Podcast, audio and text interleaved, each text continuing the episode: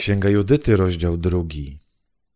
W osiemnastym roku rządów, dwudziestego drugiego dnia pierwszego miesiąca, w pałacu Nabuchodonozora, króla Asyryjczyków, rozeszła się wieść o tym, że zamierza on zemścić się na całej ziemi tak jak poprzysiągł. Rzeczywiście, Nabuchodonozor zwołał na naradę wszystkich ministrów i dostojników i osobiście przedstawił im sekretny plan całkowitego wyniszczenia ziemi. Oni również byli zdania, że powinni zginąć wszyscy, którzy nie odpowiedzieli na jego wezwanie. Po naradzie króla Asyryjczyków Nabuchodonozor wezwał naczelnego wodza swoich wojsk Holofernesa, który w królestwie zajmował drugie miejsce po królu i powiedział Tak mówi wielki król, pan całej ziemi.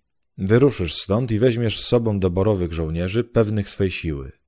120 tysięcy pieszych oraz 12 tysięcy konnych. Wyruszysz przeciwko wszystkim krajom leżącym na zachodzie, ponieważ nie posłuchały mojego wezwania. Rozkażesz im, aby przygotowały ziemię i wodę, bo rozgniewany wyruszę przeciwko nim. Podepczę całą powierzchnię ziemi nogami moich żołnierzy i pozwolę ją splądrować. Wąwozy zapełnią się rannymi, potoki i rzeki przepełnione ciałami zabitych wystąpią z brzegów, a jeńców uprowadzę na krańce ziemi.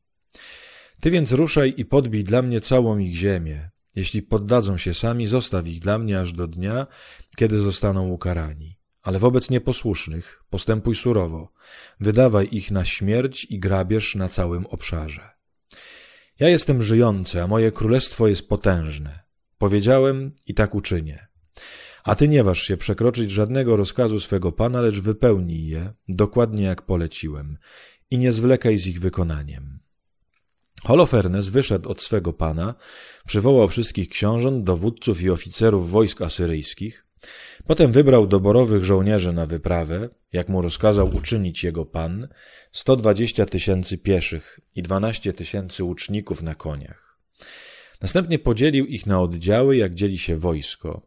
Zabrał z sobą również wiele wielbłądów, osłów i mułów, aby niosły ładunki, oraz niezliczone mnóstwo owiec, wołów i kus na wyżywienie, a nadto wielką ilość prowiantu dla każdego żołnierza i bardzo wiele złota i srebra z Pałacu Królewskiego. Następnie ruszyli w drogę on i całe jego wojsko, aby poprzedzić króla Nabuchodonozora i całą ziemię na zachodzie obsadzić rydwanami bojowymi, oddziałami konnych oraz doborową piechotą. Towarzyszyły im oddziały pomocnicze, liczne jak szarańcza i jak piasek ziemi. Nikt nie był w stanie ich policzyć. Opuścili Niniwę i przez trzy dni szli do równiny Bektilet, gdzie rozłożyli się obozem niedaleko pasma gór, wznoszącego się na lewo od górnej Cylicji. Potem Holofernes zabrał całe swe wojsko, to jest oddziały pieszych, konnych i rydwany bojowe, i wyruszył stamtąd w kierunku gór. Pobił płód i lud i złupił wszystkich potomków Rassisa oraz Izmaelitów, którzy mieszkali na skraju pustyni na południe od Heleonu. Przeprawił się przez Eufrat i przeszedł całą Mezopotamię, niszcząc wszystkie miasta warowne nad potokiem Abrona, aż dotarł do morza. Potem zajął obszar Cylicji, pokonując wszystkich, którzy stawiali opór, przybył w okolicy Jafet na południe od Arabii. Później otoczył wszystkich Madianitów, spalił ich obozowiska i zagarnął trzody.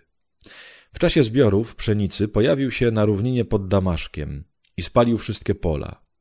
Owce i bydło wybił, ograbił miasta i spustoszył okolice, a ostrzem miecza wytracił wszystkich młodzieńców. Wtedy strach padł na wszystkich i trwoga opanowała mieszkańców wybrzeża, mieszkających w Tyrze i Sydonie, w Sur i Okina i w Jamni. Także mieszkańców Ażdodu i Aszkelonu ogarnął wielki strach przed nim.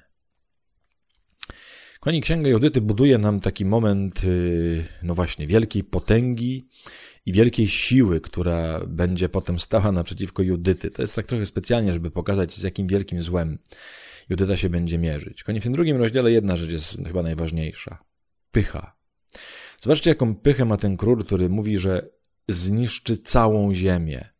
Nie to, że tam podbije kilka narodów, on po prostu wyniszczy całą ziemię. To jest tak rozdmuchane ego, tak po prostu wybite w kosmos, że to głowa mała. Jak się okazuje, kolej na początku ta pycha przynosi jakby owoce, nie? Zobaczcie, oni wygrywają i to tak, że po prostu ziemia się przed nimi jakby lęka cała, nie? Spokojnie, spokojnie, wystarczy jedna malutka Judyta, żeby ich wszystkich pokonać. E, ale zobaczcie, jaka ta pycha jest wielka. Koni dzisiaj jedno proste pytanie. Przypatrz się swojej pysze. Gdzie ty jesteś taki, gdzie ty jesteś taka, gdzie po prostu, no właśnie, twoja pycha może nie jest aż tak wielka jak na Buchodonozora, ale gdzie masz te dziwne mniemania o sobie, albo oczekiwania po sobie, albo tego, jak ludzie będą cię traktować. Zróbmy dzisiaj taki mały rachunek z pychy.